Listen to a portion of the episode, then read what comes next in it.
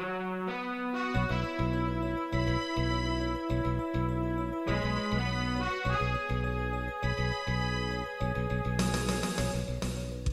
listening to Radio Free Asia. The following program is in Khmer.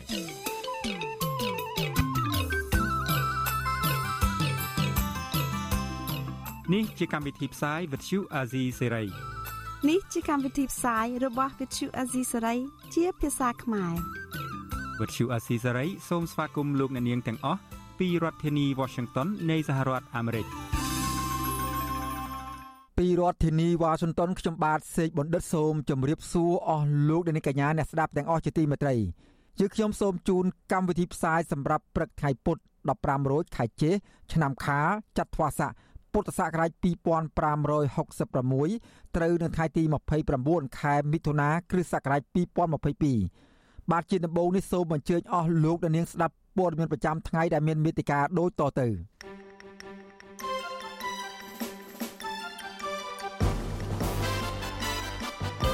អ្នកសេដ្ឋកិច្ចក្រៅប្រព័ន្ធជួបទុកលំបាកព្រោះទំនិញឡើងថ្លៃ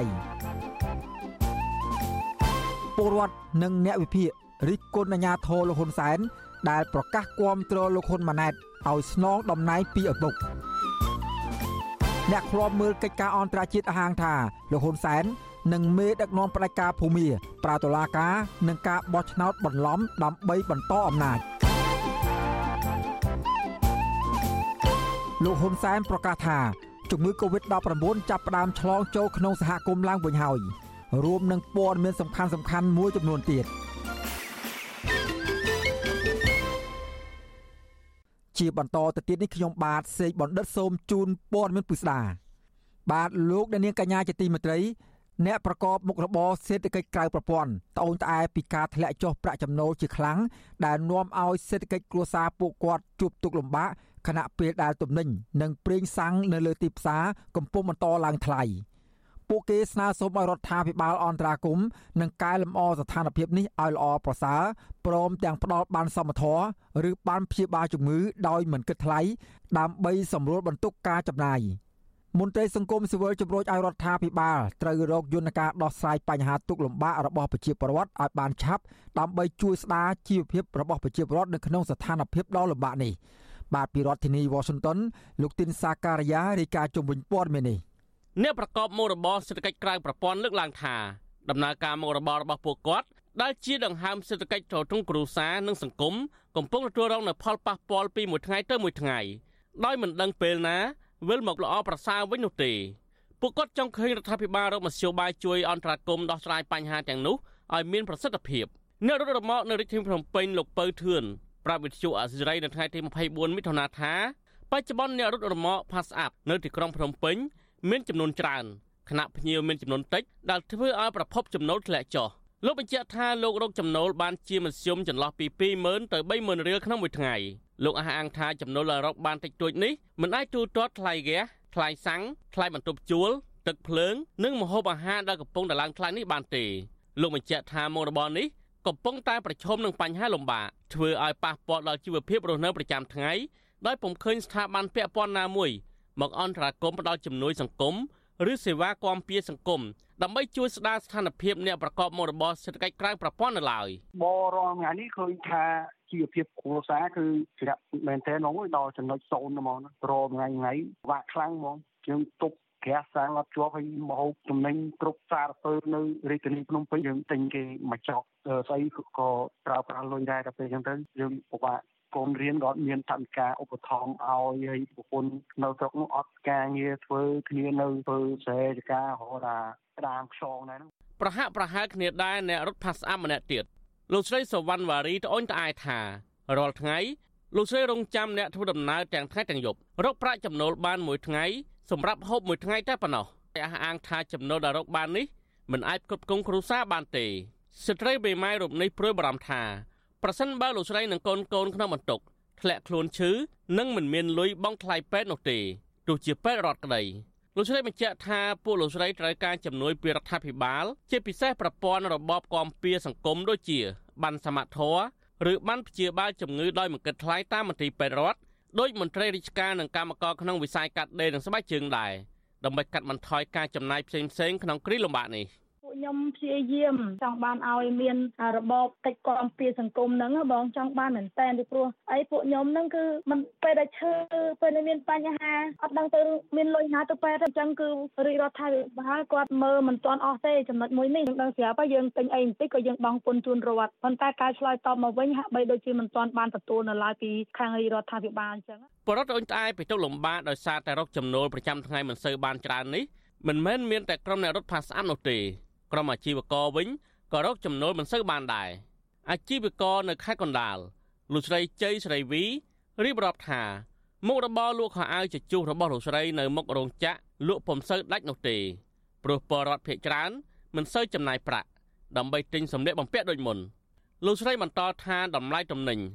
និងប្រេងសាំងកាន់តែឡើងថ្លៃក៏ជាបញ្ហាប្រឈមមួយក្នុងចំណោមបញ្ហាផ្សេងៗទៀតដែលធ្វើឲ្យប៉ះពាល់ដល់មុខរបរនិងជីវភាពគ្រួសារ។ បានឡើងថ្លៃហើយសេដ្ឋកិច្ចលើដូចថាវាដើរទៅដូចថាឆ្ងាត់មនុស្សហ្មងបានក៏ហូបទៅមិនបានក៏អត់ទៅព្រោះអីយើងបានមួយថ្ងៃទី10000 4 50000អញ្ចឹងទៅយើងចាយអស់ហ្នឹងហើយបានយើងទៅលក់វិញព្រោះអីទៅលក់រាល់ថ្ងៃក៏លក់វាមិនដាច់មិទ្យុអសិរ័យមិនអាចតតងអ្នកនាំពាក្យរដ្ឋាភិបាលលោកផៃសិផានិងអ្នកនាំពាក្យក្រសួងការងារនិងបណ្ដុះបណ្ដាលវិជ្ជាជីវៈលោកហេងសួរ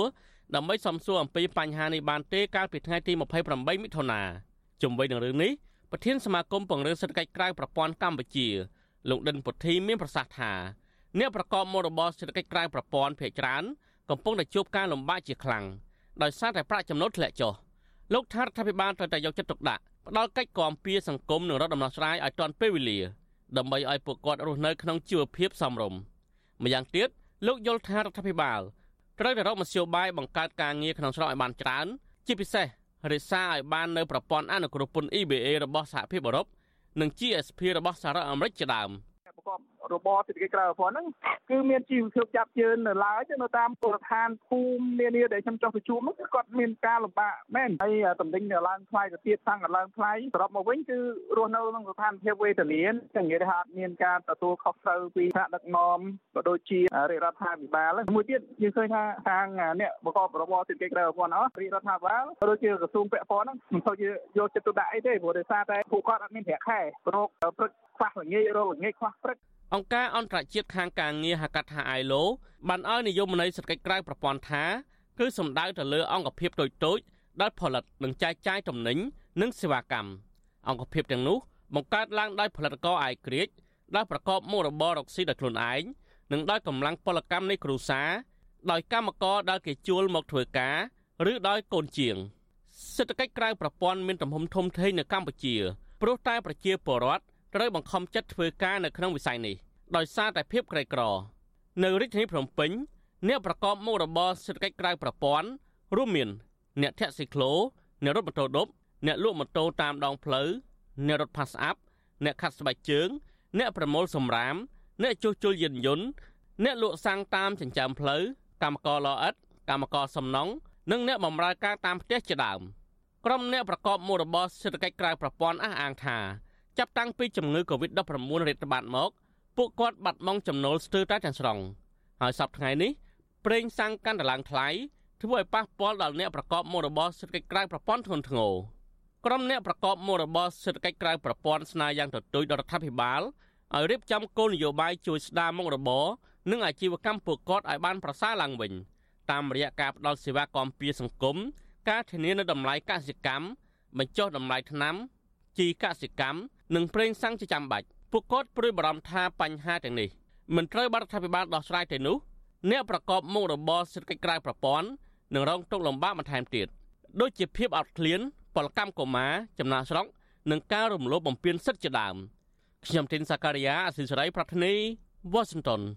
បាទលោកអ្នកនាងកញ្ញាជាទីមេត្រីពលរដ្ឋនិងអ្នកវិភាគរិះគន់ទៅលើមន្ត្រីអាជ្ញាធររបស់រដ្ឋាភិបាលលោកហ៊ុនសែន ដែលបន្តប្រកាសគាំទ្រលោកហ៊ុនម៉ាណែតឲ្យស្នងតំណែងជានាយករដ្ឋមន្ត្រីពីឪពុក ថាជាការស្នងតំណែងតាមបពពួកនិងមិនសមមានឈ្មោះជាយុវជនបន្តវេននោះទេពួកគេបន្ថែមថាការប្រកាសគាំទ្រតាមបពពួកបែបនេះគឺមានតែនៅក្នុងប្រទេសផ្ដាច់ការតែប៉ុណ្ណោះបាទពីរដ្ឋធានី Washington លោកយ៉ងច័ន្ទរារាយការណ៍ជុំវិញព័ត៌មាននេះប្រជាពលរដ្ឋអ្នកវិភាគនិងមន្ត្រីគណៈបកប្រឆាំងរិះគន់ថា ការប្រកាសគាំទ្រកូនប្រុសច្បងរបស់លោកនាយរដ្ឋមន្ត្រីហ៊ុនសែនឲ្យឡើងកាន់តំណែងបន្តវេនពីឪពុកនោះគឺជាការគ្រប់គ្រងរបស់ផ្ដាច់ការដែលនិយមបកពួកយុវជននិងជាសកម្មជនបរិស្ថានគឺលោកលីច័ន្ទដារាវុធលើកឡើងថានេះគឺជារឿងធម្មតាទៅហើយដែលមន្ត្រីមានយុស័កនៅក្នុងជួររដ្ឋាភិបាល តែងតែប្រកាសបង្ហាញពីការគ្រប់គ្រងរបស់ខ្លួននៅពេលមេដឹកនាំសម្រាប់ចិត្តធ្វើអ្វីមួយជាមួយគ្នានេះលោកក៏សម្គាល់ឃើញថា នៅក្នុងប្រទេសផ្ដាច់ការ តែងតែចាត់តាំងឬលើកនរណាម្នាក់ឲ្យធ្វើជាមេដឹកនាំបន្ទាប់ដោយរើសចេញពីក្នុងខ្សែបណ្ដាញឬក៏សមាជិកក្រុមគ្រួសាររបស់ខ្លួន។ បើសិនជាមានការលើកបន្ទប់លោកហ៊ុនម៉ាណែតទៅលើការគ្រប់គ្រងពិតមែនខ្ញុំគិតថាចំពោះការផ្លាស់ប្ដូរក្នុងការគ្រប់គ្រងប្រទេសវាអាចនឹងមានទេប៉ុន្តែមិនប្រកាសថាជាការផ្លាស់ប្ដូរល្អទេគំរូនៅប្រទេសមួយចំនួនដែលកូនឬក៏បព្វពួករបស់ខ្លួនឡើងកាន់តំណែងបន្តពីក្រុមឬក៏ឪពុករបស់ខ្លួនហ្នឹងគឺវាច្រើនឃើញដាក់មកក្រោយហ្នឹងដើម្បីរក្សាអំណាចរបស់គាត់มันអាចធ្វើទូរលងបានទេគាត់នឹងរឹតបន្តឹងគាត់នឹងកាន់តែក្រាញអំណាចហើយនឹងអាចនឹងថាមានការរដ្ឋបတ်ទៅលើសិទ្ធិមនុស្សប្រជាធិបតេយ្យលើសពីនឹងទៅទៀត ស្រដៀងគ្នានេះអតីតតំណាងរាជគណៈបកសង្គ្រោះជាតិលោកអ៊ុំសំអានយល់ឃើញថាការប្រកាសគាំទ្រលើកកូនប្រុសច្បងរបស់លោកនាយរដ្ឋមន្ត្រីហ៊ុនសែនឲ្យឡើងកាន់អំណាចគឺប្រៀបដូចជាការប្រកាសគាំទ្ររបស់ផ្ដាច់ការអំពើពុករលួយ និងឆ្លោះបញ្ចាំងពីវិសមភាពនៅក្នុងការជ្រើសរើសអ្នកដឹកនាំដែលជាយុវជនបន្តវេនលោកបន្តថាការធ្វើបែបនេះ គឺជាការមិនផ្ដល់ឱកាសដល់យុវជនឬអ្នកមានសមត្ថភាពដទៃទៀតដែលមិនជាប់ខ្សែស្រឡាយទៅនឹងនាយករដ្ឋមន្ត្រីបច្ចុប្បន្នបានបញ្ចេញសមត្ថភាពរបស់ខ្លួននោះឡើយ។ ឥឡូវនេះក្នុងជួរគណៈបព្វជិជនគ្រប់ក្រសួងមន្ត្រីឥឡូវនេះក៏ដាក់តកោចៅគេបងប្អូនគេហ្នឹងធ្វើយកគំរូតាមលោកសែនដែរបាទការគ្រប់គ្រងរបស់លោកកាត់ឆាយហ្នឹងគឺគ្រប់គ្រងយុវជនបន្តពូជមិនមានយុវជនបន្តវេនណាព្រោះលោកម្នាក់ហ្នឹងគឺជាយុវជនបន្តពូជពីឪពុករបស់គាត់ណាយុវជនបន្តពូជអញ្ចឹងមិនមែនជាយុវជនបន្តវេនអញ្ចឹងវាធ្វើឲ្យមានភាពអយុត្តិធម៌ទៅដល់យុវជនដទៃទៀតដែលគេមានសមត្ថភាពដែលគេមានចំណេះដឹងខ្ពស់គេប៉ុន្តែមិនគេមិនអាចកាន់តំណែងកម្ពុជានឹងបានណា ប្រតិកម្មទាំងនេះកើតមានឡើងបន្ទាប់ពីអភិបាលរងរាជធានីភ្នំពេញលោកកើតឆែបានប្រកាសគាំទ្រលោកហ៊ុនម៉ាណែតឲ្យឡើងបន្តតំណែងជានាយករដ្ឋមន្ត្រីនៅចំពោះមុខមន្ត្រីជាន់ខ្ពស់រដ្ឋាភិបាលឯកបៈនិងសមាជិកបកកណ្ដាលអំណាចរាប់ពាន់នាក់នៅក្នុងពិធីអង្គមេតិញអបអរសាទរខួប71ឆ្នាំថ្ងៃបង្កើតគណៈបកប្រជាជនកម្ពុជានៅរាជធានីភ្នំពេញនៅព្រឹកថ្ងៃទី28ខែមិថុនាប្រាជ្ញាបន្តគ្រប់គ្រង សម្ដេចអគ្គមហាសេនាបតីតេជោហ៊ុនសែនជាបេក្ខភាពនាយករដ្ឋមន្ត្រីនិងឯកឧត្តមបណ្ឌិតហ៊ុនម៉ាណែតជាបេក្ខភាពនាយករដ្ឋមន្ត្រីសម្រាប់ពេលអនាគតវិទ្យុអាស៊ីសេរីនៅមិនទាន់អាចតាក់ទងអភិបាលរងរាជធានីភ្នំពេញលោកកើតឆែនិងអ្នកនាំពាក្យគណៈបកប្រជាជនកម្ពុជាលោកសុកអេសានដើម្បីសុំការឆ្លើយតបទៅនឹងមតិរិះគន់ទាំងនេះបាននៅឡើយទេនៅថ្ងៃទី28មិថុនាកាលពីថ្ងៃទី24ធ្នូឆ្នាំ2021កន្លងទៅ គណៈបកប្រជាជនកម្ពុជា បានសម្រេចជាឯកច្ឆ័ន្ទជ្រើសតាំងលោកហ៊ុនម៉ាណែតជាបេក្ខជននាយករដ្ឋមន្ត្រីនាពេលអនាគតជំនួសលោកហ៊ុនសែនដែលជាឪពុកនេះគឺជាការសម្រេចតាមបំណងរបស់លោកហ៊ុនសែនដែលចង់ឲ្យកូនរបស់លោកធ្វើជានាយករដ្ឋមន្ត្រីនាពេលអនាគតដោយមិនឲ្យតំណែងនេះរបូតទៅគណៈបកប្រឆាំងឡើយក្រោយលោកហ៊ុនម៉ាណែតក្លាយជាបេក្ខជននាយករដ្ឋមន្ត្រីនាពេលអនាគតនេះ ក្រមមន្ត្រីក្រាក់ក្រាក់ក្នុងជួររដ្ឋាភិបាលនិងមនុស្សជំនិតរបស់លោកជាច្រើនអ្នកបាននាំគ្នាប្រកាសគាំទ្រពេញបណ្ដាញសង្គមជុំវិញរឿងនេះអ្នកវិភាគនយោបាយលោកអែមសវណ្ណារាលើកឡើងថាការជ្រើសរើសបេក្ខភាពបន្តវេននេះគឺជាការសម្រេចនៅក្នុងផ្ទៃក្នុងបកតែប៉ុណ្ណោះតែអ្វីដែលសំខាន់ជាងនេះទៅទៀតនោះគឺការគ្រប់គ្រងពីប្រជាពលរដ្ឋនៅពេលបោះឆ្នោត វិជាការគេហៅថាដំណើរការគ្រប់គ្រងដោយបើកចំហដោយប្រជាធិបតេយ្យមានការគ្រប់គ្រងពីប្រជាពលរដ្ឋទូទៅឬក៏អត់អាស្រ័យទៅលើបេក្ខជននេះឈរឈ្មោះនៅក្នុងការបោះឆ្នោតបោះឆ្នោតថ្នាក់ជាតិហើយការបោះឆ្នោតនោះយើងអាចយកជាការបានទោះត្រាតែសេរីយុត្តិធម៌តកតងទៅនឹងរឿងការតែងតាំងលោកហ៊ុនម៉ាណែតជាអ្នកបន្តវេនពីលោកហ៊ុនសែននេះដែរលោកសំរងស៊ីប្រធានស្ដីទីគណៈបកសង្គ្រោះជាតិធ្លាប់បានលើកឡើងថា លោកហ៊ុនសែនមានវ័យកាន់តែចាស់ដែលមិនអាចនៅកាន់អំណាចបានយូរតទៅទៀតទេទើបគាត់ចង់ឲ្យកូនរបស់គាត់ឡើងមកកាន់តំណែងជំនួសដើម្បីឲ្យកូនរបស់គាត់ជួយថែរក្សាលៀបសក្ការៈសម្រាប់ក្រុមគ្រួសារនិងធានានីតិរដ្ឋភាពឲ្យខ្លួនគាត់ផ្ទាល់លោកបន្ថែមថាលោកហ៊ុនសែនកំពុងតែប្រើល្បិចដ៏ពឹសពុលមួយនេះដោយសណ្ដោងក្រុមគ្រួសារអិសរាជជននៅជុំវិញគាត់មួយចំនួនឲ្យមកភ្ជាប់វាសនាជាមួយក្រុមគ្រួសាររបស់គាត់ទោះជាយ៉ាងណាលោកសំរងស៊ីយល់ថា ប្រជាពលរដ្ឋច្រើនលើសលប់មិនគួរគ្រប់គ្រងផែនការបន្តវេនរៀបចំដោយលោកហ៊ុនសែននេះទេ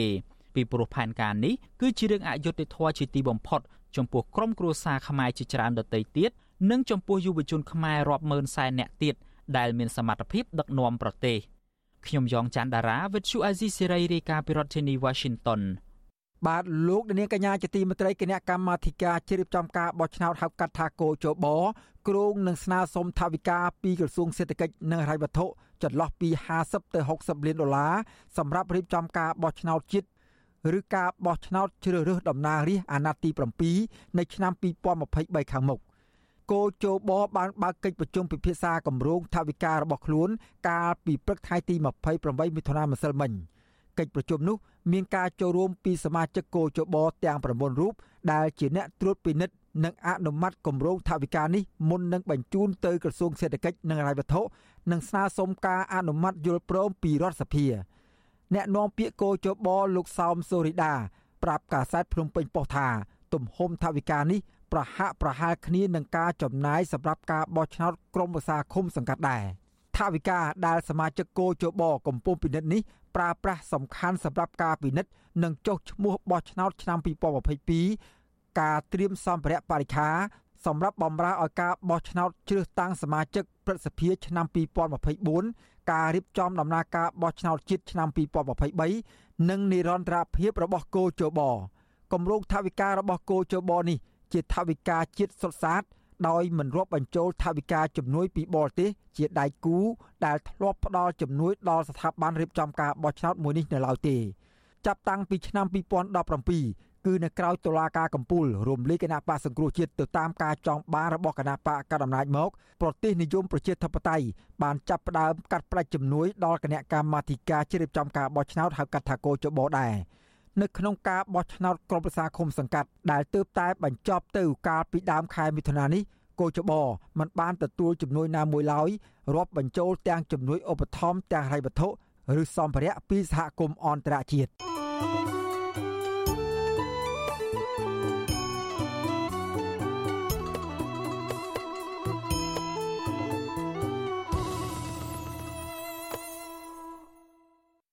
បានលោកនាងកញ្ញាជាទីមេត្រីពាក់ព័ន្ធនឹងស្ថានភាពនយោបាយនៅក្នុងតំបន់អាស៊ាននេះដែរក្រមអ្នកតាមដានកិច្ចការអន្តរជាតិលើកឡើងថាលោកនាយករដ្ឋមន្ត្រីហ៊ុនសែននិងមេដឹកនាំយោធាមីយ៉ាន់ម៉ាឬភូមាប្រើប្រាស់យុទ្ធសាស្ត្រប្រហាក់ប្រហែលគ្នាដើម្បីពង្រឹងអំណាចផ្ដាច់ការរបស់ខ្លួន។ នៅកម្ពុជាលោកហ៊ុនសែនប្រើប្រាស់ប្រព័ន្ធតុលាការបង្ក្រាបក្រុមប្រឆាំងអ្នករិះគន់និងបង្កើតប្រព័ន្ធបោះឆ្នោតបំភាន់ភ្នែកមហាជន ក្រោមរូបភាពរបបប្រជាធិបតេយ្យដើម្បីបំពេញភាពស្របច្បាប់របស់ខ្លួនបាទលោកនាងបានស្ដាប់សេចក្តីរាយការណ៍ពឹស្ដារអំពីរឿងនេះនាពេលបន្តិចទៀត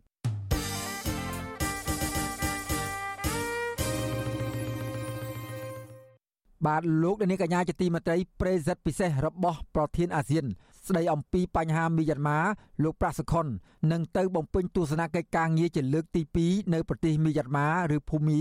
រយៈពេល5ថ្ងៃចាប់ពីថ្ងៃទី29ខែមិថុនាដល់ថ្ងៃទី3ខែកក្កដា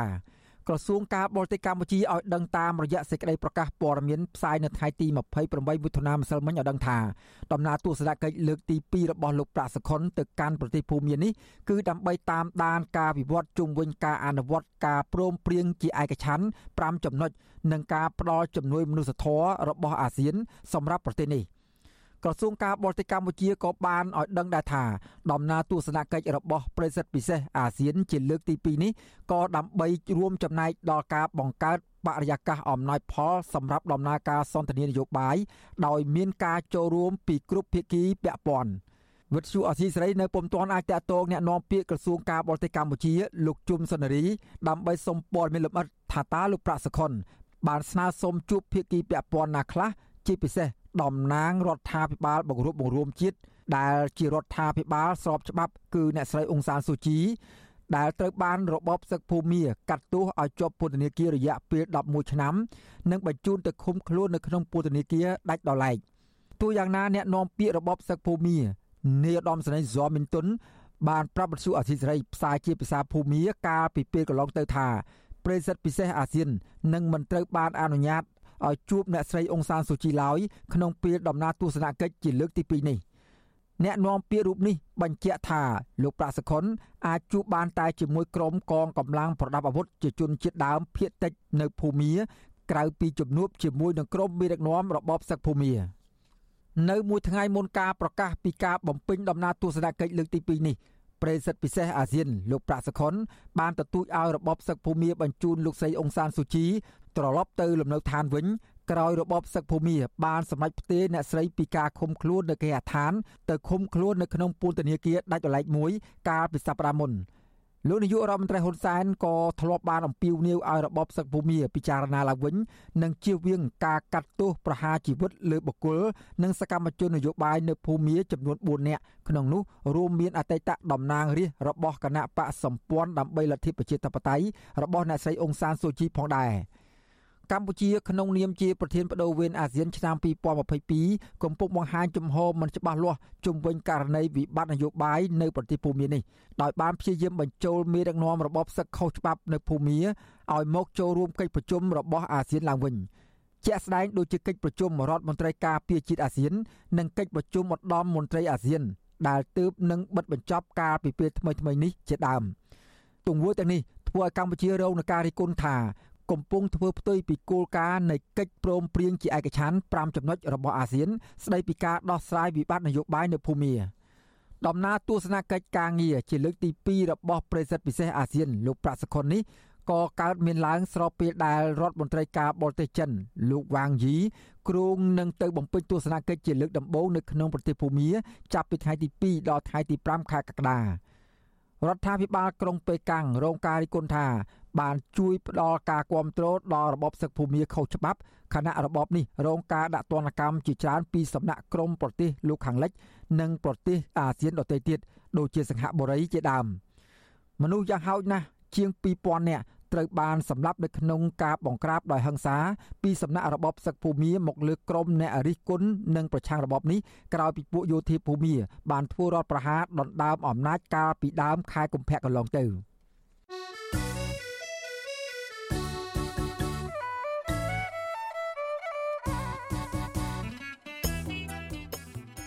បាទលោកនាងកញ្ញាជាទីមេត្រីក្រៅពីការតាមដានស្ដាប់ការផ្សាយរបស់វិទ្យុអស៊ីសេរីតាមបណ្ដាញសង្គម Facebook YouTube Telegram លោកអ្នកនាងក៏អាចតាមដានស្ដាប់ការផ្សាយរបស់យើងខ្ញុំតាមរយៈបណ្ដាញសង្គម Instagram របស់វិទ្យុអស៊ីសេរីតាមរយៈតំណភ្ជាប់ www.instagram.com/rfa ខ្មែរ វិទ្យុអសីស្រីបន្តខិតខំផ្សព្វផ្សាយព័ត៌មានពិតទៅកាន់បងប្អូនតាមរយៈបណ្ដាញសង្គមផ្សេងផ្សេងនិងសម្បូរបែបដើម្បីលោកដានាងងាយស្រួលតាមដានការផ្សាយរបស់វិទ្យុអសីស្រីគ្រប់ពេលវេលា និងគ្រប់ទីកន្លែងតាមរយៈទូរស័ព្ទរបស់អស់លោកដានាង បាទសូមអរគុណ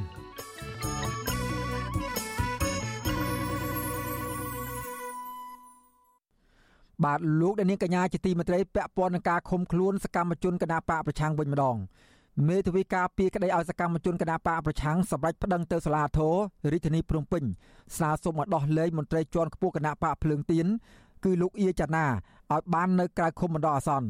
ការប្តឹងអូតូនេះធ្វើឡើងក្រោយពេលដែលតុលាការក្រុងភ្នំពេញបដិសេធមិនអនុញ្ញាតឲ្យលោកអៀចាណានៅក្រៅឃុំនោះទេបាទពីរដ្ឋធានីវ៉ាស៊ីនតោនលោកមានរិទ្ធមានសេចក្តីរាយការណ៍ជុំវិញព័ត៌មាននេះ មន្ត្រីជាន់ខ្ពស់គណៈបកភ្លើងទៀននិងមន្ត្រីសង្គមស៊ីវិលសង្កេតឃើញថាសំណុំរឿងលោកអៀចនាមានចរិតនយោបាយជាងការអនុវត្តច្បាប់និងជំរុញទៅរដ្ឋាភិបាលគួរដោះលែងអ្នកទោសនយោបាយដែលរងការចាត់ប្រកាន់នាពេលកន្លងទៅទោះជាយ៉ាងណា មន្ត្រីបកកណ្ដាលអំណាចថា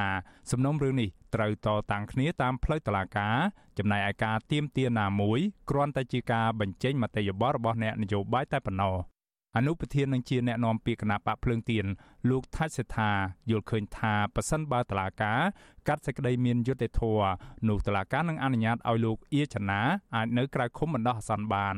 លោកថាច់សេដ្ឋាឲ្យដឹងដូចនេះក្រោយពេលមេធាវីរបស់គណៈបកភ្លើងទៀនដែលទទួលបន្ទុកការពីក្តីឲ្យលោកអៀចនាបានប្តឹងទៅសាលាធររាជធានីភ្នំពេញកាលពីពេលថ្មីៗនេះស្នើសុំឲ្យលោកអៀចនាអាចនៅក្រៅឃុំបណ្ដោះអាសន្ន គាត់ចូលរួមគាត់ជាសមាជិកនៃការគ្រប់គ្រងគណៈបកភ្លើងទៀនហើយមិនមានពាក់ព័ន្ធអីនឹងរឿងកន្លងមកផងហ្នឹងបាទចៅក្រមស៊ើបសួរនៃសាលាដំបូងរាជធានីភ្នំពេញលោកសិនសវណ្ណរតបានចោទប្រកាន់លោកអៀចនាពីបទរួមគំនិតក្បត់ប្រព្រឹត្តនៅក្នុងប្រទេសកម្ពុជានិងនៅទីកន្លែងផ្សេងទៀតកាលពីឆ្នាំ2020និងពេលបន្តបន្ទាប់តាមមាត្រា453នៃក្រមព្រហ្មទណ្ឌ ទូយ៉ាងណាដោយការនេះត្រូវបានតឡាការបង្ហាញក្រោយពេលសមាជិកក្រុងភ្នំពេញចាប់ខ្លួនលោកអៀចនាកាលពីថ្ងៃទី30ខែឧសភាគណៈបកភ្លើងទៀនចាត់ទុកថានេះគឺជារឿងនយោបាយសុទ្ធសាធគណៈការចាប់ខ្លួននេះគឺលោកអៀចនាបានចូលរួមឃោសនាឲ្យគណៈបកភ្លើងទៀនកាលពីពេលកន្លងទៅ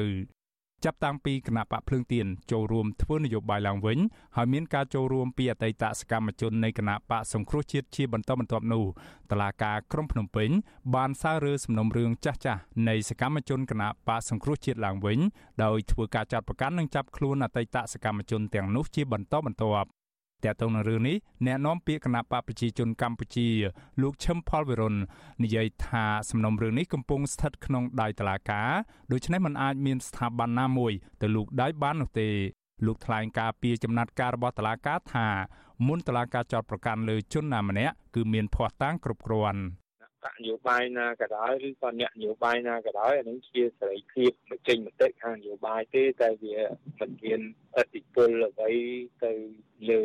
ដំណើរការច្បាប់ទេទោះបីដំណើរការច្បាប់ហ្នឹងយល់យ៉ាងម៉េចឬយល់យ៉ាងម៉េចអាហ្នឹងវាជារឿងដំណើរការច្បាប់ហើយកិច្ចការទស្សនៈបញ្ចេញមតិនយោបាយវាជារឿងមួយផ្សេង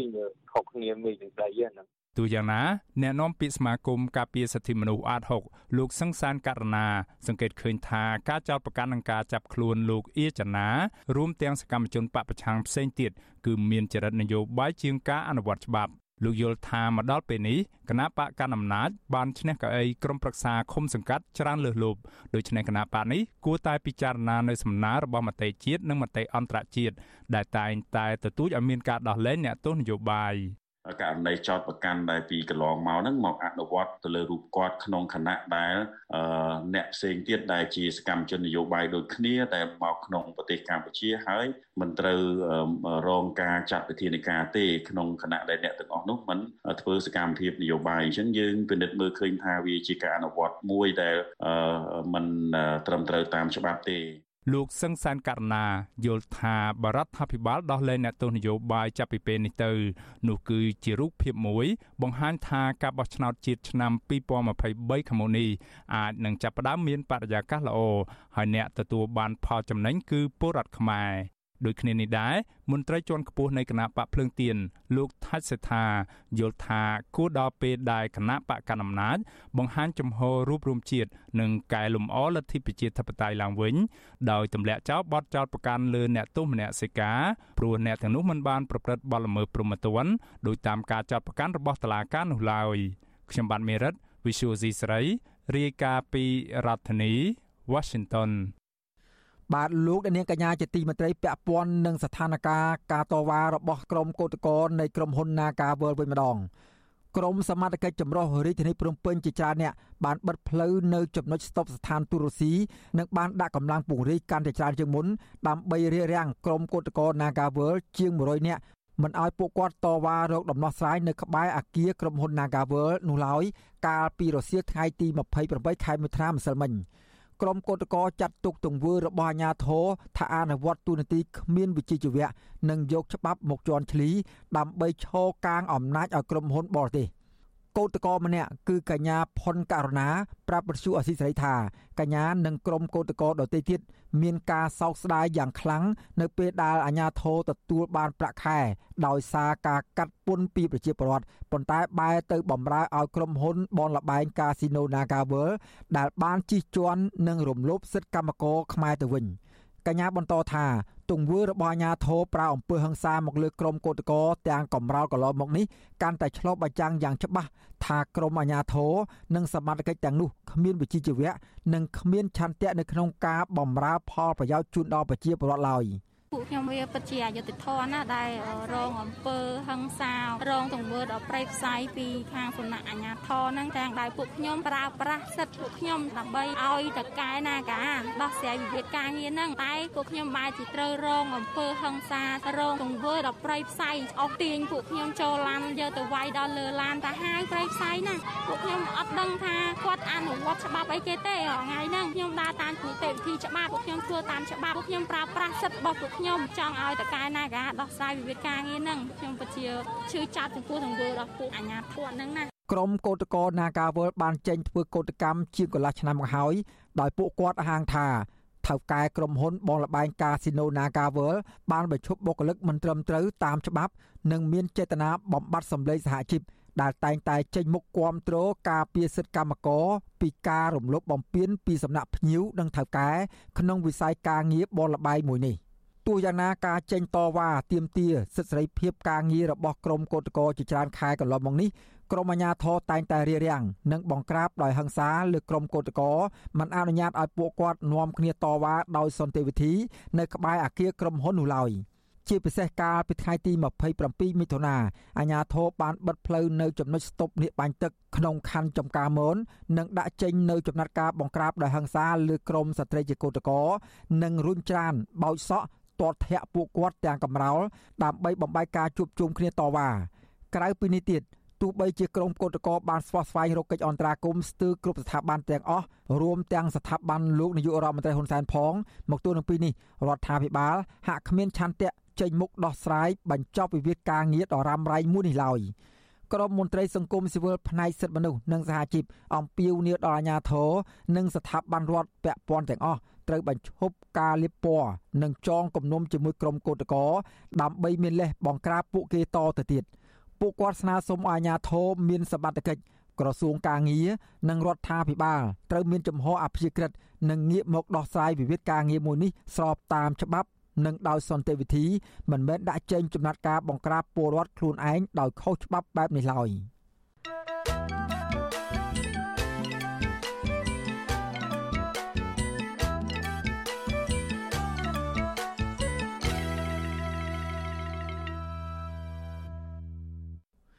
បាទលោកអ្នកនាងកញ្ញាជាទីមេត្រីពាក់ព័ន្ធនឹងចំនួនដីធ្លីនៅតំបន់ភូមិភាគឦសាននៅវិញ ប្រជាសហគមន៍ជនជាតិដើមភាគតិចចរាយចំនួន12ភូមិរស់នៅជាប់ព្រំដែនប្រទេសវៀតណាមក្នុងខេត្តរតនគិរីខកចិត្តនឹងអាជ្ញាធរខេត្តនេះដែលនៅតែមិនព្រមដោះស្រាយចំនួនដីធ្លីរវាងប្រជាសហគមន៍ជាង1000គ្រួសារជាមួយនឹងក្រុមហ៊ុនហងអញ្ញាឡាយឲ្យជ្រះស្រឡះជាច្រើនឆ្នាំមកហើយនោះប្រជាពលរដ្ឋទាំងនោះអះអាងថាភាពប្រងើយកន្តើយមិនដោះស្រាយចំនួនដីធ្លីនេះ និងផ្ដល់ឱកាសឲ្យក្រុមហ៊ុនបន្តរំលោភបំពានដីសមូហភាព និងលុបអូរធម្មជាតិជាច្រើនកន្លែងប៉ះពាល់ដល់ប្រភពសេដ្ឋកិច្ចនិងជីវភាពប្រជាពលរដ្ឋបាទពីរដ្ឋធានីវ៉ាស៊ីនតោនអ្នកស្រីម៉ៅសុធានីរាយការណ៍ជុំវិញព័ត៌មាននេះជនជាតិដើមភាគតិចចារាយរស់នៅស្រុកកណ្ដូងមាសនិងស្រុកអូជុំខេត្តរតនគិរីត្អូញត្អែពីភាពយឺតយ៉ាវដោះស្រាយចំនួនដីធ្លីដែលតំណាងក្រុមហ៊ុន និងអាជ្ញាធរខេត្តធ្លាប់សន្យាថានឹងកាត់ជ្រៀតដីតំបន់មានចំនួន ចំនួន64កន្លែងដែលមានទំហំជាង700ហិកតាប្រគល់ជូនប្រជាសហគមន៍វិញ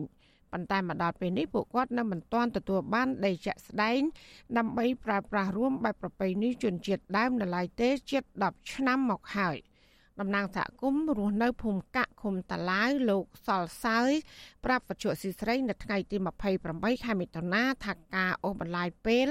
មិនដោះស្រាយចំនួនដីធ្លីនេះ និងផ្ដល់ឱកាសឲ្យក្រុមហ៊ុនបន្តរំលោភបំពានព្រៃអារក្សព្រៃអាស្រ័យផលនិងលុបអូរធម្មជាតិយ៉ាងហោចណាស់5កន្លែងធ្វើឲ្យអ្នកភូមិបាត់បង់ទីកន្លែងរកអនុផលប្រៃឈើនិងត្រីសាច់បរិភោគលើពីនេះតំបន់នោះមានភ្នំអារក្សជាច្រើនកន្លែងដែលអ្នកភូមិចង់ថែរក្សា និងការពារទុកជាសម្បត្តិសមូហភាពបែបប្រពៃណីប៉ុន្តែក្រុមហ៊ុនកំពុងហួងហែងភ្នំទាំងនោះ ទំនងចង់ការយកដីធ្វើអាជីវកម្មដើម្បីផលប្រយោជន៍ឯកជនលោកបញ្ជាក់ថាអ្នកភូមិតែងតែរអ៊ូរទាំរឿងបាត់គោក្របីរាប់សិបក្បាលជារៀងរាល់ឆ្នាំដោយសារកន្លែងធ្លាប់លែងគោក្របីបែបប្រពៃណីកំពុងស្ថិត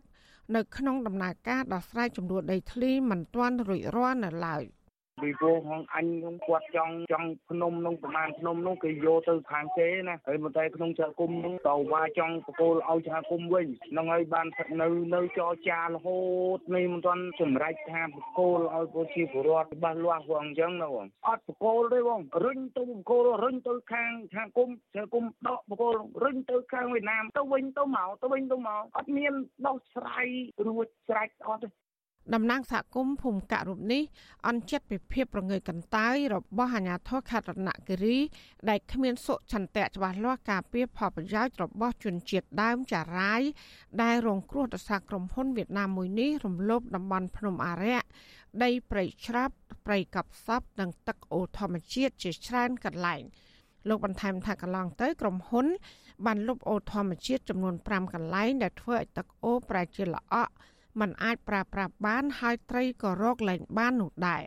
ជួយបារម្ភមែនណាបងដូចជាប៉ះពាល់ដូចជាគោក្បីដូចជាគេរុស្ស៊ីអីដូចជាពិបាកដែរប៉ះពាល់ដល់អីប៉ុន្តែអូរឿងអូរឿងទឹកនោះប៉ុន្តែប៉ះពាល់ច្រើនអញ្ចឹងណាបងនៅតែលូលទាំរហូតនឹងប្រជាពលរដ្ឋនោះលុបអូកាយភ្នំលុប ច្រោបវាប៉ះពាល់ច្រើនអញ្ចឹងណាបងហើយប៉ុន្តែគេដោះស្រាយមិនទេខ្ញុំក៏មិនដឹងដែរហើយខាងថ្នាក់លើគេដោះស្រាយស្អែកនៅស្អែកខែក្រោយនៅខែក្រោយឆ្នាំក្រោយនៅឆ្នាំក្រោយដែរតែអត់ដឹងប្រហែលឆ្នាំអីនៅតែដែរតំណាងសហគមន៍ម្នាក់ទៀតគឺលោកសេវសឿនថ្លែងថាថ្មីថ្មីនេះអាជ្ញាធរនិងក្រុមហ៊ុនបានជួនដំណឹងប្រាប់ពួកលោកថានឹងបើកកិច្ចប្រជុំមួយនៅអំឡុងខែកក្កដាខាងមុខដើម្បីពិភាក្សារកដំណោះស្រាយចំនួនដីធ្លីនេះ លោកថាអ្នកភូមិភាគច្រើននៅមិនទាន់ស្ងប់ចិត្តដរាបណាអាញាធននៅមិនទាន់កំណត់ព្រំប្រទល់ដីកាត់ជ្រៀលឲ្យបានច្បាស់លាស់ដើម្បីឲ្យពួកគាត់គ្រប់គ្រងនិងថែទាំឲ្យបានល្អជាពិសេសគឺទប់ស្កាត់ការឈានពានពីសំណាក់ក្រុមហ៊ុនវៀតណាម។ ពួកខ្ញុំឲ្យចិត្តចាចាខេម7ទៅចាចាពីថ្ងៃគុំយើងទៅការវិជុំចាប់អត់បងហ្នឹងឲ្យវាមានស្រាប់អីយើងចាទុកចាចាខាងខ្ញុំមកជាមួយក្រុមហ៊ុនមានធនបတ်មូលដ្ឋានឲ្យការចាចារួចរាល់ហើយហើយទៅប្រាប់អ្នកធរអ្នកធរគិតឲ្យយើង ពជាសហគមន៍ថាកាលពីឆ្នាំ2018រដ្ឋបាលខេត្តរតនគិរីបានស្នើទៅក្រសួងកសិកម្មកាត់ជ្រៀតតំបន់មានចំនួនជាង60កន្លែងដែលមានទំហំជាង700ហិកតាប្រគល់ជូនសហគមន៍វិញតំបន់នោះរួមមាន ភ្នំអរិយ20កន្លែងតំបន់កប់សពពីកន្លែង ដីចំការវើជុំព្រៃអរិយកន្លែងខ្វៀលគោក្រ3និងតំបន់ប្រភពទឹកអូធម្មជាតិ ដែលជាទីកន្លែងសហគមន៍អាស្រ័យផលដូចជានេសាទត្រីនិងស្រោចស្រពដំណាំកសិកម្មជាដើមវត្ថុអសីស្រីនៅមិនទាន់អាចតតងសុំការបំភ្លឺរឿងនេះពីអ្នកនាំពាក្យសាលាខេត្តរតនគិរីលោកនាងសំអាត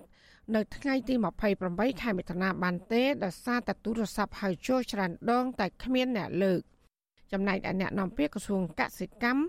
លោកស្រីវុធីនិងតំណាងក្រុមហ៊ុនហងអញ្ញឡាយក៏នៅមិនអាចតតងបានដែរនៅថ្ងៃដដែលនេះទោះយ៉ាងណាកាលពីចុងឆ្នាំ2021អភិបាលរងខេត្តរតនគិរីលោកយឹមជែននិងមន្ត្រីជំនាញបានចុះបញ្ឈប់សកម្មភាពរបស់ក្រុមហ៊ុនហងអញ្ញឡាយដែលបន្តឈូសឆាយកាយភ្នំ និងលុបទឹកអូរធម្មជាតិដែលអ្នកភូមិប្រើប្រាស់ជាយូរណាស់មកហើយ។ ពជាសហគមន៍ថាអាញាធរបានបញ្ជាក្រុមហ៊ុនកាយដីចេញឲ្យអស់ពីអូដើម្បីសម្អាតបរិស្ថាន ហើយត្រូវរងចាំសេចក្តីសម្រេចពីអាញាធរថ្នាក់ជាតិជាមុនសិនជុំវិញរឿងនេះមន្ត្រីនាំពាក្យសមាគមការពារសិទ្ធិមនុស្សអាត់ហុកលោកសឹងសានការណា សង្កេតឃើញថាភាពយឺតយ៉ាវរបស់អាញាធរខេត្តរតនគិរីនិងអាញាធរជាតិដែលមិនបានដោះស្រាយចំនួនដីធ្លីឲ្យបានជ្រះស្រឡះនេះ គឺធ្វើឲ្យប្រជាពលរដ្ឋជួបការលំបាកច្រើនផ្នែកជីវភាព និងបាត់បង់កន្លែងអាស្រ័យផល លោកជំរុញអាជ្ញាធរពាក់ព័ន្ធគួរតែពិនិត្យរឿងនេះឡើងវិញ និងដោះស្រាយចំនួនដីធ្លីនេះឲ្យបានឆាប់រហ័ស ក្នុងនាមជាអ្នកអាជ្ញាធរមានសមត្ថកិច្ចនិងទូនាទី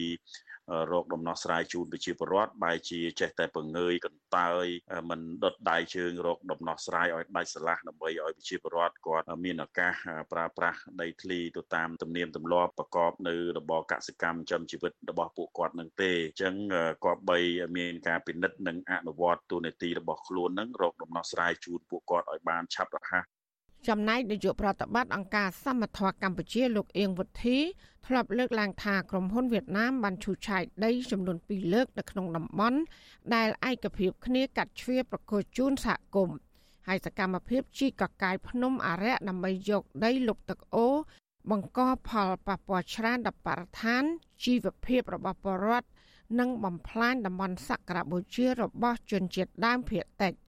លោកជំរុញឲ្យក្រុមហ៊ុននេះបញ្ឈប់ពង្រីកដីដីឬក៏ឈូសឆាយដីបន្ថែមទៀតហើយរងចាំការសម្រេចពីរដ្ឋាភិបាលសិនក្រុមហ៊ុនសម្បត្តិសេដ្ឋកិច្ចរបស់វៀតណាមហងអញ្ញឡាយទទួលសិទ្ធិវិនិយោគដំណាំកៅស៊ូលើផ្ទៃដីទំហំ50000ហិកតាពីក្រសួងកសិកម្មកាលពីឆ្នាំ2010រយៈពេល50ឆ្នាំពជាសហគមន៍ថាក្រុមហ៊ុននេះបង្កផលប៉ះពាល់ដល់ជនជាតិដើមភាគតិច ចំនួន12ភូមិរស់នៅស្រុកអណ្ដូងមាសនិងស្រុកអូជុំសរុបប្រមាណជាង1300គ្រួសារអង្គការសមត្ថៈក៏រកឃើញដែរថាប្រជាសហគមន៍ទាំងនោះបានបាត់បង់ទីកន្លែងអាស្រ័យផលបែបប្រពៃណីដោយសារតែប្រៃឈើត្រូវបានបំផ្លាញជំនួសមកវិញនៅដំណាំកៅស៊ូនិងតំបន់ដំណាំឧស្សាហកម្មផ្សេងផ្សេងទៀតចាននាងខ្ញុំម៉ៃសុធានីវិទ្យុអសីស្រី ប្រធានាធិបតី Washington បាទលោកនាងកញ្ញាជាទីមេត្រីគណៈកម្មាធិការដើម្បីរៀបចំការបោះឆ្នោតដោយសេរីនិងយុត្តិធម៌នៅកម្ពុជាហៅកាត់ថា Confrel សហការជាមួយនឹងអង្គការមួយចំនួនទៀតរួមមានអង្គការសិលកាកម្ពុជាជាដើមគ្រងរៀបចំសន្និសីទសារព័ត៌មានស្ដីពីលទ្ធផលអង្កេតចំនួនបេក្ខជនជាស្ត្រីដែលចូលឈ្មោះនិងជាប់ឆ្នោតក្រុមប្រឹក្សាឃុំសង្កាត់អាណត្តិទី5នៅថ្ងៃទី30ខែមិថុនាខាងមុខ នៅទីស្នាក់ការកណ្ដាលរបស់អង្គការ Confrel ចាប់ពីម៉ោង9:30នាទីព្រឹកដល់ម៉ោង11ព្រឹកសេចក្តីប្រកាសព័ត៌មានរបស់អង្គការ Confrel នៅថ្ងៃទី28មិថុនាម្សិលមិញឲ្យដឹងថា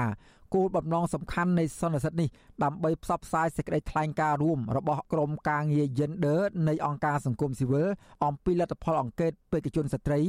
និងអនុសាសន៍មួយចំនួនដោយផ្អែកលើទស្សនៈ Gender ដើម្បីកែលម្អសម្រាប់ការបោះឆ្នោតនាពេលខាងមុខ បន្ថែមពីលើនេះទៀតសន្និសីទនេះក៏នឹងបង្ហាញពីការប្រឈមគ្រប់បែបយ៉ាងរបស់ស្ត្រីជាបេក្ខជនចូលឈ្មោះបោះឆ្នោត និងស្ត្រីដែលបានជាប់ឆ្នោតក្នុងការបោះឆ្នោតជ្រើសរើសក្រុមប្រឹក្សាគុំសង្កាត់កាលពីពេលកន្លងទៅនេះ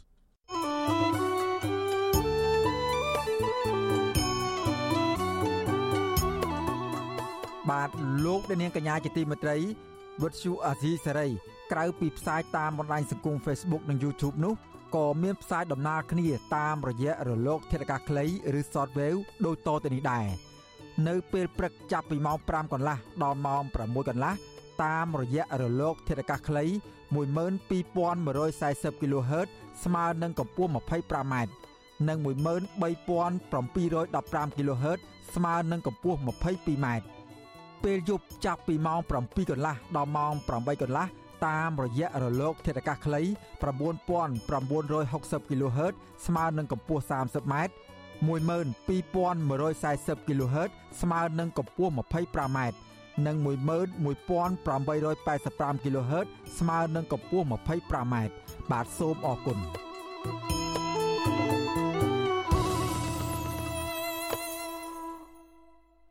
បាទលោកនាងកញ្ញាជាទីមេត្រីអាញាធរកម្ពុជា និងវៀតណាម បានសហការគ្នា បញ្ជូនជនជាតិវៀតណាមចំនួន400នាក់ឲ្យត្រឡប់ទៅប្រទេសកំណើតវិញគិតត្រឹមខែមិថុនាឆ្នាំ2022នេះជនជាតិវៀតណាមទាំងនោះត្រូវបានគេអះអាងថាជាជនរងគ្រោះនៃអំពើឆបោក និងជួញដូរមនុស្សនៅកម្ពុជា សារព័ត៌មានវៀតណាម VN Express ចុះផ្សាយកាលពីថ្ងៃទី27មិថុនាឲ្យដឹងថារយៈពេលថ្មីៗនេះមានជនជាតិវៀតណាមជាច្រើនអ្នកត្រូវបានគេបោកបញ្ឆោតឲ្យមកធ្វើការនៅកម្ពុជា តាមរយៈការផ្សព្វផ្សាយលើបណ្ដាញសង្គម Facebook និង Zalo ប្រភពដដែលឲ្យដឹងទៀតថាជនរងគ្រោះទាំងនោះត្រូវបានគេរត់ពន្ធតាមច្រកមិនផ្លូវការហើយបញ្ជូនឲ្យទៅធ្វើការនៅក្រុមហ៊ុនដែលគ្រប់គ្រងដោយជនបរទេសថៅកែក្រុមហ៊ុនទាំងនោះ បានប្រើពួកគេឲ្យបង្កើតកេរនីបណ្ដាញសង្គមផ្សេងផ្សេងដែលคล้ายបន្លំជាគេហទំព័រពាណិជ្ជកម្មនិងបែបបទនៃការវិនិយោគហិរញ្ញវត្ថុដើម្បីចាប់ជំរិតអតិថិជនដែលមិនបានដឹងរឿងរ៉ាវនេះជនជាតិវៀតណាមខ្លះទៀតដែលជាស្ត្រីវ័យក្មេងត្រូវបានគេរត់ពន្ធមកប្រទេសកម្ពុជាដើម្បីបង្ខំឲ្យធ្វើជាការងារស្រីពេទ្យាចារជនរងគ្រោះទាំងនោះអះអាងថាបើពួកគេប្រកែកមិនព្រមធ្វើតាមថៅកែនោះទេ ពួកគេនឹងត្រូវគេវាយដំ និងបង្អត់អាហារហើយអ្នកដែលចង់ត្រឡប់ទៅប្រទេសវៀតណាមវិញត្រូវតាក់ទងទៅគ្រួសារដើម្បីបង់លុយជាង3000ដុល្លារប៉ុន្មានឆ្នាំចុងក្រោយនេះករណីជួញដូរមនុស្សក្រោមរូបភាពជាការបោកបញ្ឆោតឲ្យមកធ្វើការដោយទទួលបានប្រាក់ខែច្រើនដូចនេះបានកើតមានច្រើនឡើងនៅកម្ពុជា តំបន់ដែលសម្បូរដោយបទល្មើសទាំងនោះ គឺនៅទីក្រុង និងទីប្រជុំជន ដែលប្រមូលផ្ដុំដោយកាស៊ីណូនិងបណ្ដុំក្រុមហ៊ុនបរទេសដូចជានៅក្នុងរាជធានីភ្នំពេញខេត្តប្រសេនុនិងក្រុងប៉ោយប៉ែតខេត្តបន្ទាយមានជ័យជាដើមក្រុមអង្គការសង្គមស៊ីវិលបានស្នើយ៉ាងទទូចឲ្យរដ្ឋាភិបាលកម្ពុជាចាត់វិធានការទប់ស្កាត់បទល្មើសជួញដូរមនុស្សបែបនេះឲ្យមានប្រសិទ្ធភាពដើម្បីការពារសុវត្ថិភាពជូនពលរដ្ឋនិងកុំឲ្យខូចកេរ្តិ៍ឈ្មោះប្រទេសកម្ពុជា។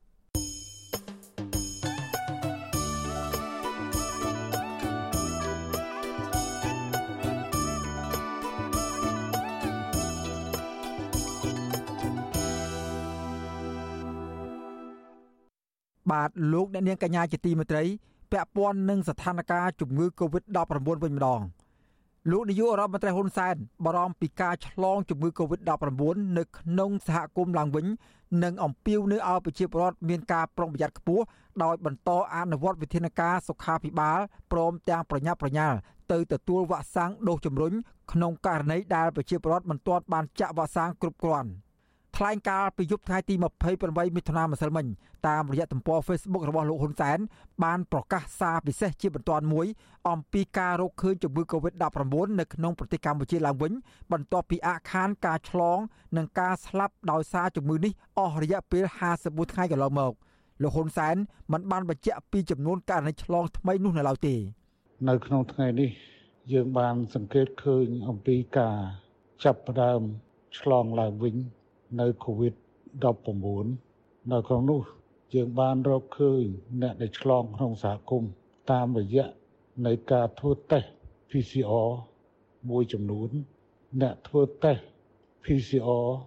សម្រាប់ធ្វើទម្រង់បែបបត់ចេញទៅក្រៅប្រទេស មួយចំនួន និងមួយចំនួនទៀតគឺអ្នកដែលបានវិលត្រឡប់ពីក្រៅប្រទេស ចូលមកក្នុងប្រទេសវិញ នេះជាការបញ្ជាក់ដោយម៉ាស៊ីន PCR នៅតាមទីកន្លែងមួយចំនួន ក្នុងការធ្វើតេស្តរហ័សក៏ឃើញវិជ្ជមាននៃ COVID-19 ដូច្នេះអាចសន្មត់បានថា COVID-19 វាចាប់ផ្ដើមឡើងវិញទោះបីនៅក្នុងចំនួនតិចក៏ដោយចុះហើយអាការៈមិនតាន់ធ្ងន់ធ្ងរក៏ដោយលោកនាយករដ្ឋមន្ត្រីហ៊ុនសែនអះអាងថា លោកបានជំរុញឲ្យក្រសួងសុខាភិបាល និងអាជ្ញាធរពាក់ព័ន្ធតាមដានចំពោះករណីជំងឺ Covid-19 នេះដោយយកចិត្តទុកដាក់ដើម្បីបញ្ជៀសនៅការរីករាលដាលដ៏ធ្ងន់ធ្ងរដែលអាចកើតមានដោយយថាហេតុនៅពេលខាងមុខលោកហ៊ុនសែនសង្ឃឹមថាពលរដ្ឋគ្រប់រូបនឹងមកទទួលការចាក់វ៉ាក់សាំងដូសជំរុញនិងមានវិធានការការពារខ្លួនរួមមានការពាក់ម៉ាស់ការលាងដៃឲ្យបានញឹកញាប់និងរក្សាគម្លាតសង្គមជាដើម។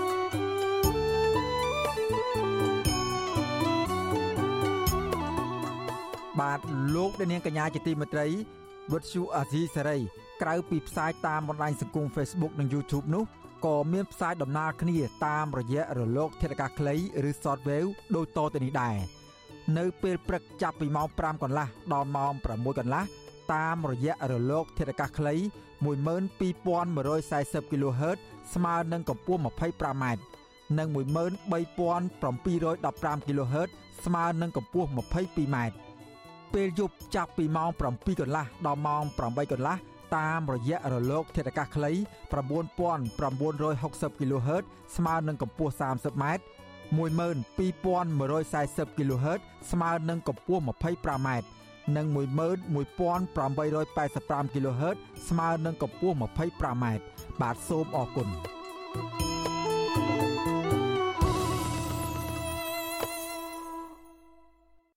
បាទលោកនាងកញ្ញាជាទីមេត្រីក្រុមអ្នកតាមដានកិច្ចការអន្តរជាតិលើកឡើងថា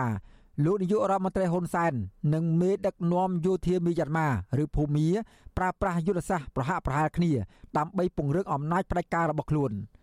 នៅកម្ពុជាលោកហ៊ុនសែនប្រើប្រាស់ប្រព័ន្ធតុលាការបង្ក្រាបក្រុមប្រឆាំងក្រុមអ្នករិះគន់និងបង្កើតប្រព័ន្ធបោះឆ្នោតបំភាន់ភ្នែកមហាជនក្រោមរូបភាពប្រជាធិបតេយ្យដើម្បីបំពេញភាពស្របច្បាប់របស់ខ្លួន។ នៅឯភូមិមានោះវិញមេដឹកនាំផ្ដាច់ការយោធាមានអង្គលៀងក៏ប្រើប្រាស់កងកម្លាំងប្រដាប់អាវុធតុលាការដើម្បីត្រួតត្រាពង្រឹងអំណាចរបស់ខ្លួនដែរអ្វីដែលខុសគ្នារវាងកម្ពុជានិងភូមានេះគឺនៅត្រង់ថានៅភូមាប្រជាពលរដ្ឋនិងអ្នកនយោបាយមាននិន្នាការប្រជាធិបតេយ្យហាក់មានស្មារតីរួមកម្លាំងគ្នានិងហ៊ានចេញមុខតតាំងជាមួយនឹងអ្នកកាន់អំណាចជាងនៅកម្ពុជា បាទពីរដ្ឋធានីវ៉ាស៊ីនតោនលោកទីនសាការីយ៉ាមានសេចក្តីរាយការណ៍ពុស្ដាជុំវិញព័ត៌មាននេះ អ្នកតាមដានកិច្ចការអន្តរជាតិលើកឡើងថាក្រុមមេដឹកនាំផ្ដាច់ការនៅក្នុងតំបន់បានរៀនសូត្រពីគ្នាទៅវិញទៅមកមេដឹកនាំយោធាខុសច្បាប់មីយ៉ាន់ម៉ាឬភូមាលោកមីនអងឡាំងបានប្រើប្រាស់កងកម្លាំងប្រដាប់អាវុធដើម្បីដណ្ដើមអំណាចពីរដ្ឋាភិបាលស្របច្បាប់របស់អ្នកស្រីអុងសានស៊ូជីកាលពីខែកុម្ភៈឆ្នាំ2020ក្រុមមេដឹកនាំយោធានៅតែបន្តគ្រប់គ្រងប្រទេសមានអំណាចពេញដៃដដែលនៅវិភាគនយោបាយលោកកឹមសុខមានប្រសាសន៍ថាមេដឹកនាំផ្ដាច់ការភូមាលោកមីនអងឡាំង ក្រៅពីប្រើប្រាស់យោធានិងប្រព័ន្ធតុលាការចាត់ការក្រុមមេដឹកនាំរដ្ឋាភិបាលស្របច្បាប់នោះ លោកមានអង្លៀងនឹងរៀបចំផែនការបោះឆ្នោតខ្លាញ់បន្លំនៅពេលខាងមុខមិនខុសពីកម្ពុជានោះទេមែនតែនទៅពួកជនផ្ដាច់ការនៅលើពិភពលោកគេរៀនសូត្រពីគ្នាទៅវិញទៅមកប៉ុន្តែដំណាក់កាលចុងក្រោយនេះទំនងជាលោកហ៊ុនសែនคล้ายទៅជាគ្រូធំរបស់មីនអងលៀងទៅវិញ ពីព្រោះមានអងលៀងប្រើកម្លាំងដើម្បីប្លន់អំណាចដោយដែលលោកហ៊ុនសែនធ្វើកាលពីឆ្នាំ1997ដែរហើយបន្ទាប់មកមានអង្លាំងក៏មានផែនការប្រើប្រព័ន្ធតុលាការដើម្បីរឹតបន្តឹងគូប្រជែងដោយដែលលោកហ៊ុនសែនធ្វើនៅប្រទេសកម្ពុជាដែរហើយជាបន្ទាប់មក មីនអង្លាំងកំពុងតែរៀបយុទ្ធសាស្ត្រក្នុងការរៀបចំការបោះឆ្នោតបំភ្លៃឆន្ទៈរបស់ប្រជាពលរដ្ឋដោយដែលលោកហ៊ុនសែនកំពុងតែធ្វើសពថ្ងៃដែរមែនតែនទៅលោកហ៊ុនសែនកំពុងคล้ายទៅជាគ្រូនៃជនផ្ដាច់ការសម័យទំនើបក្នុងតំបន់អាស៊ាននេះតឡាការភូមាបានចាប់ប្រកាន់មេដឹកនាំរដ្ឋាភិបាលស្របច្បាប់គឺនៅស្រីអង្សានសុជីជាបន្តបន្ទាប់ក្រោយពីរដ្ឋប្រហារទម្លាក់អ្នកស្រីកាលពីខែកុម្ភៈឆ្នាំ2020មកនោះកាលពីខែមេសា តឡាការភូមាបានកាត់ទោសឲ្យអ្នកស្រីអង្សានសុជីជាប់ទោស5ឆ្នាំក្នុងសំណុំរឿងបាត់ចោលប្រកាន់ប្រព្រឹត្តអំពើពុករលួយបន្ថែមលើសំណុំរឿងមួយផ្សេងទៀតដែលតឡាការកាត់ទោសឲ្យអ្នកស្រីជាប់ពន្ធនាគារ6ឆ្នាំមកទល់ពេលនេះអ្នកស្រីអង្សានសុជីត្រូវបានតឡាការរបស់របបផ្សឹកកាត់ទោសឲ្យអ្នកស្រីជាប់ពន្ធនាគារជាង10ឆ្នាំអ្នកស្រីក៏កំពុងតែប្រឈមនឹងបាត់ចោលជាច្រើនករណីផ្សេងទៀតដែរដែលអាចឲ្យអ្នកស្រីជាប់គុករហូតទៅដល់180ឆ្នាំ ក្រៅពីនេះរបបសឹកភូមាក៏មានផែនការប្រហារជីវិតបុគ្គលនិងសកម្មជននយោបាយភូមាចំនួន4នាក់ដែលប្រឆាំងនឹងរបបសឹកក្នុងនោះមានមួយរូបជាអតីតតំណាងរាស្ត្ររបស់គណៈបកសម្ព័ន្ធជាតិដើម្បីលទ្ធិប្រជាធិបតេយ្យរបស់អ្នកស្រីអង្សានស៊ូជី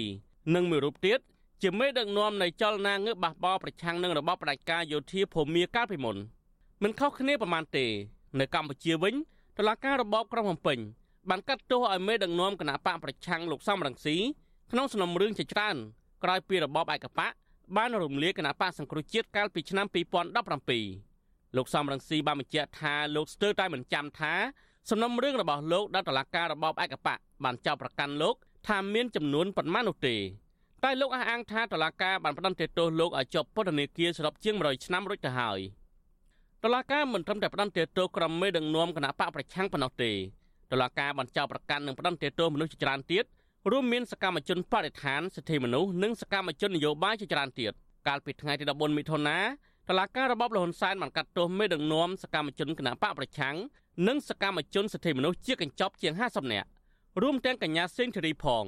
ដែលការកាត់ទោសនេះរងនឹងការរិះគន់ពីសហគមន៍ជាតិនិងអន្តរជាតិយ៉ាងខ្លាំងតើតើនឹងបញ្ហានេះក្រុមនៃវិភាគលើកឡើងថាលហ៊ុនសែនមានយន្តការពីរសំខាន់ក្នុងការក្តាប់ក្តាប់អំណាចបន្តទៅមុខទៀតបានគឺការប្រើប្រាស់ប្រព័ន្ធតុលាការ និងការរៀបចំបោះឆ្នោតដែលសហគមន៍ជាតិអន្តរជាតិអះអាងថា ជាការបោះឆ្នោតមិនសេរីមិនត្រឹមត្រូវនិងមិនយុត្តិធម៌អ្នកជំនាញខាងវិទ្យាសាស្ត្រនយោបាយអន្តរជាតិនិងច្បាប់កញ្ញាសេងធារីមានប្រសាសន៍នៅមុនពេលតុលាការចាប់ខ្លួនថារបបលហ៊ុនសែនប្រើប្រាស់ប្រព័ន្ធតុលាការ ជាឧបករណ៍ផ្ដាច់មុខសម្រាប់បម្រើមហិច្ឆតារបស់ខ្លួនកញ្ញាបន្ថែមថាតុលាការបង្ក្រាបក្រុមអ្នករិះគន់និងក្រុមគណៈបកប្រឆាំងឥតសាកស្រានដើម្បីបំបិតសម្លេងអ្នកប្រជាធិបតេយ្យ ឥឡូវផ្ដាច់ការទាំងអស់គេចាប់ផ្ដើមប្រើតឡាការការប្រើតឡាការជាឧបករណ៍នយោបាយអានឹងមិនមែនរឿងថ្មីទេហើយយើងឃើញថាអឺពួកផ្ដាច់ការហើយនៅក្នុងតំបន់ឥឡូវជាក់ស្ដែងភូមាហើយលោកហ៊ុនសែនដែលមានជំនាញនឹងយូរហើយប៉ុន្តែភូមាគេប្រើបែបហ្នឹងប៉ុន្តែភូមាអឺលេង ភាពឆៅជាងលោកហ៊ុនសែនពីព្រោះគាត់ក្មេងខ្ចីជាងនៅក្នុងបដិការនៅក្នុងភាពបដិការពីព្រោះគាត់បានកាន់តំណែងយូរពេកដោយលោកហ៊ុនសែនហើយបានចឹងទាញពួកបទេសអានប្រឆាំងទៅពួកបដិការនៅក្នុងច្រើនកញ្ញាសេនធារីបានហៅលោកនាយករដ្ឋមន្ត្រីហ៊ុនសែនថាជាមេដឹកនាំបដិការឆ្លាតខាងប្រព្រឹត្តអំពើអាក្រក់នៅក្នុងតំបន់កញ្ញាបន្ថែមថាលោកហ៊ុនសែនក្រៅពីប្រើប្រាស់ប្រព័ន្ធតុលាការ គឺបង្កើតឲ្យមានប្រព័ន្ធតាមដាននៅគ្រប់ទិសទីដើម្បីបំផិតបំភ័យប្រជាពលរដ្ឋគ្រប់មជ្ឈដ្ឋានក្រៅពីប្រើប្រាស់តុលាការនោះកញ្ញាសេនធរីអះអាងថាលោកហ៊ុនសែនក៏ប្រើប្រព័ន្ធបោះឆ្នោតคล้ายៗដើម្បីបំពេញភាពស្របច្បាប់របស់ខ្លួនដែរអត់ខ្វល់អំពីរូបភាពទេរូបភាពនៅក្នុងន័យមួយថាទាំងអស់គ្នាដឹងថាគាត់ផ្ដាច់ការហើយ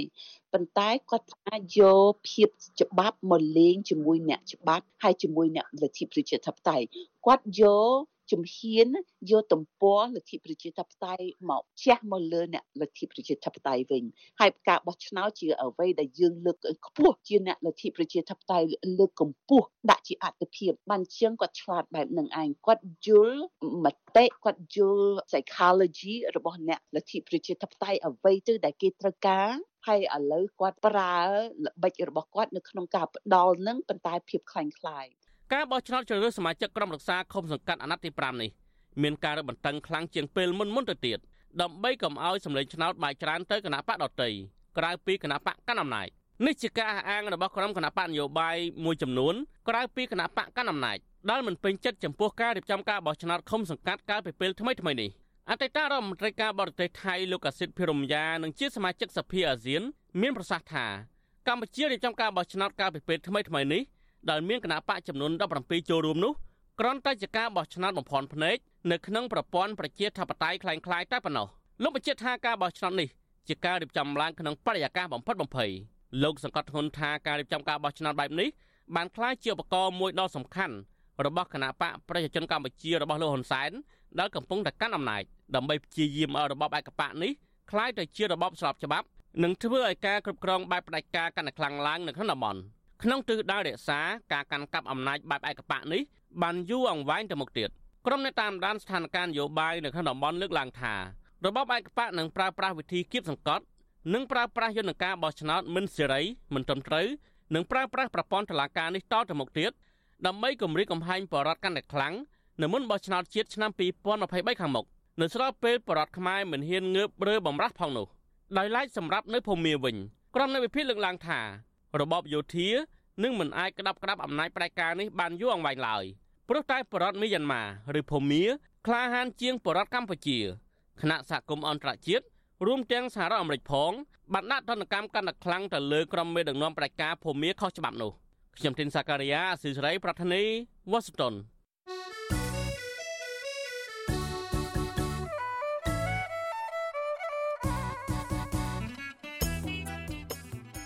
បាទលោកនាងកញ្ញាជាទីមេត្រីក្រៅពីការតាមដានស្ដាប់ការផ្សាយរបស់វិទ្យុអស៊ីសេរីតាមបណ្ដាញសង្គម Facebook YouTube Telegram លោកអ្នកនាងក៏អាចតាមដានស្ដាប់ការផ្សាយរបស់យើងខ្ញុំតាមរយៈបណ្ដាញសង្គម Instagram របស់វិទ្យុអស៊ីសេរីតាមរយៈតំណភ្ជាប់ www.instagram.com/rfa ខ្មែរ វិទ្យុអសីស្រីបន្តខិតខំផ្សព្វផ្សាយព័ត៌មានពិតទៅកាន់បងប្អូនតាមរយៈបណ្ដាញសង្គមផ្សេងផ្សេងនិងសម្បូរបែបដើម្បីលោកនាងងាយស្រួលតាមដានការផ្សាយរបស់វិទ្យុអសីស្រីគ្រប់ពេលវេលា និងគ្រប់ទីកន្លែង តាមរយៈទូរស័ព្ទរបស់អស់លោកនាង បាទសូមអរគុណ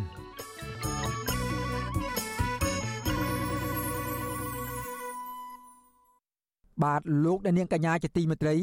ការផ្សាយរបស់វិទ្យុអាស៊ីសេរីសម្រាប់ព្រឹកនេះចប់តែប៉ុណ្ណេះយើងខ្ញុំសូមជូនពរដល់អស់លោកអ្នកនាងឲ្យប្រកបតែនឹងសេចក្តីសុខចម្រើនរុងរឿងកំបីគ្លៀងគ្លាឡើយខ្ញុំបាទសេកបណ្ឌិតនិងក្រុមការងារទាំងអស់នៃវិទ្យុអាស៊ីសេរីសូមអរគុណនិងសូមជម្រាបលា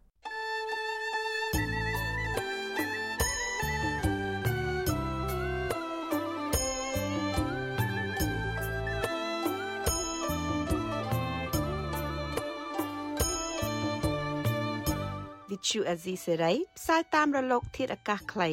ឬ short wave តាមកម្រិតនិងកម្ពស់ដូចតទៅនេះពេលព្រឹកចាប់ពីម៉ោង5កន្លះដល់ម៉ោង6កន្លះតាមរយៈរលក ធាតុអាកាសខ្លី12140 kHz ស្មើនឹងកម្ពស់ 25m និង13715 kHz ស្មើនឹងកម្ពស់ 22m ពេលយប់ចាប់ពីម៉ោង7កន្លះដល់ម៉ោង8កន្លះតាមរយៈរលក ធាតុអាកាសខ្លី 9960 kHz ស្មើនឹងកម្ពស់ 30m និង12140 kHz ស្មើនឹងកម្ពស់ 25m លោកអ្នកនាងក៏អាចស្ដាប់ការផ្សាយផ្ទាល់តាមប្រព័ន្ធអ៊ីនធឺណិតដោយចូលទៅកាន់គេហទំព័រ